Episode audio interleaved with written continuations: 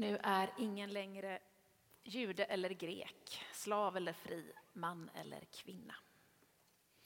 Så många gånger har jag läst de orden ur dagens episteltext från Galaterbrevet som så oerhört befriande. Men så har jag stannat vid just det, att de är befriande. De signalerar varje människas lika värde. Och visst finns det något befriande i det. Men i kombination med de andra texterna idag så bär orden också en tydlig kallelse, en tydlig sändning. När vi talar om jämlikhet och lika värde, visst är det så att vi då många gånger tenderar att fokusera på våra rättigheter. Mänskliga rättigheter som ska gälla alla människor oavsett kön, nationalitet, etnicitet, funktionalitet eller social status. Men rättigheter bär inte sig själva. För att rättigheter ska kunna gälla och fungera så krävs att någon tar ansvar för att uppfylla dem. Men kanske tenderar vi ibland att missa det. Rättigheter medför också plikter. Uppmaningen i Jesaja-texten förkunna gäller inte bara någon annan, utan också dig och mig. I evangelietexten kommer folket och frågar Johannes döparen, vad ska vi då göra? Och han uppmanar dem, dela med er av vad ni har. Sen kommer tullindrivarna och verkar på något sätt tänka att den här allmänna uppmaningen som folket fick inte riktigt gäller dem, för de behöver få det specificerat. De säger, och vi då, vad ska vi göra? Sen kommer soldaterna, och vi då, vad ska vi göra? Av någon anledning så kände de att de behövde för, få det förtydligat. Kanske var det svårt att räkna ut själva att man ingick i den allmänna uppmaningen.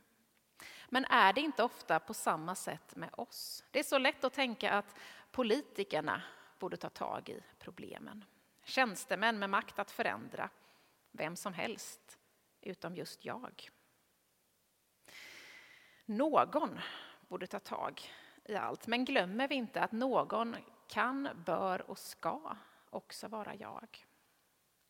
Om vi inte längre gör skillnad på jude eller grek, slav eller fri, man eller kvinna. Om vi alla är ett, då delar vi också på kallelsen att vara världens ljus. Vi har olika förutsättningar. Alla kan inte göra samma sak. Och kanske har vi det också svårt, precis som tullindrivarna och soldaterna, att urskilja vårt uppdrag i Guds sändning. Kanske behöver vi också tränga djupare. Men jag då? Vad borde jag göra?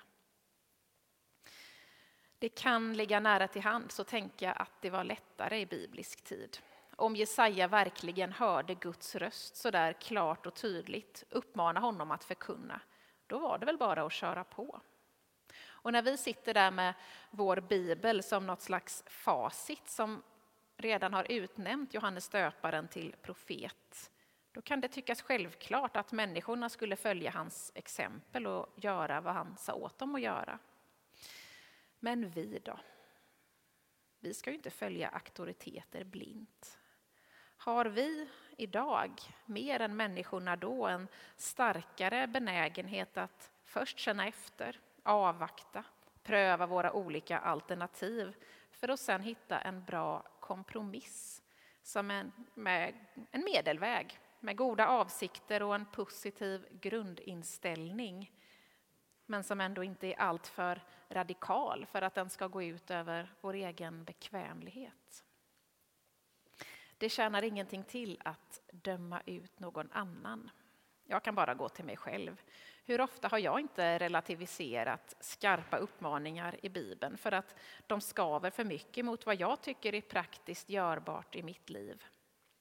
Men den efterföljelse som Johannes döparen uppmanar till, den är inte bekväm i första hand. Den är radikal. Häromveckan lyssnade jag igenom Sveriges Radios programserie Okej okay Boomer Det handlar om olika generationer och krigen, eller konflikterna kanske vi ska säga, dem emellan. Och en sak som var intressant var hur det återkom att varje generation på något sätt tenderar att verka vara blind för sina egna privilegier. Och tyck, så tycker man att generationen som kommer efter den ena, de som kommer efter en själv, som är lite yngre, att de i allmänhet är lite latare, har det lite enklare och bättre förspänt än vad man själv har haft det. Vi som fick dra det tunga lasset.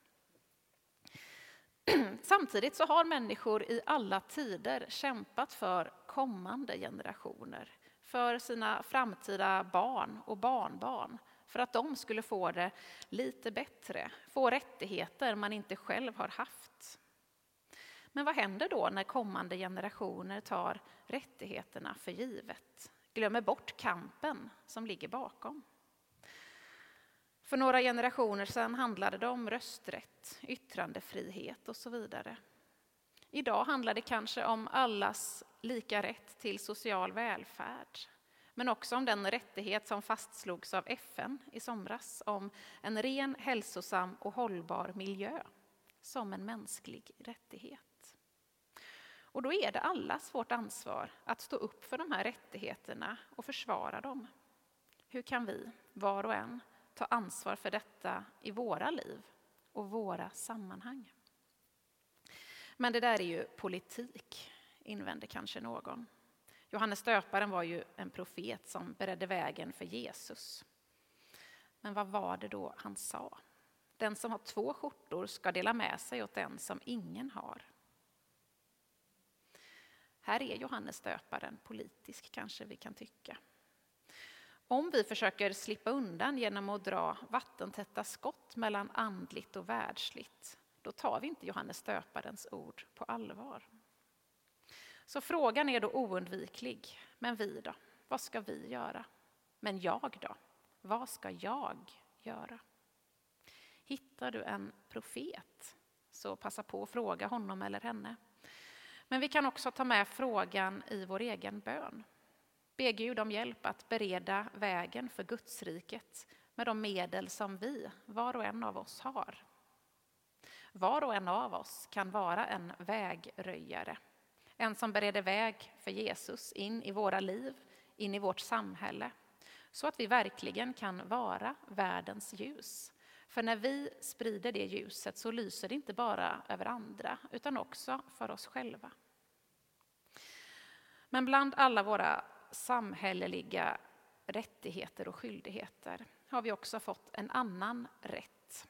Rätten att vara Guds barn. Och det betyder att det finns ytterligare en som kämpar för oss oavsett hur mycket eller lite ansvar vi tar. En som står på vår sida och gång på gång ger oss chansen att börja om, försöka på nytt. En som hjälper oss upp.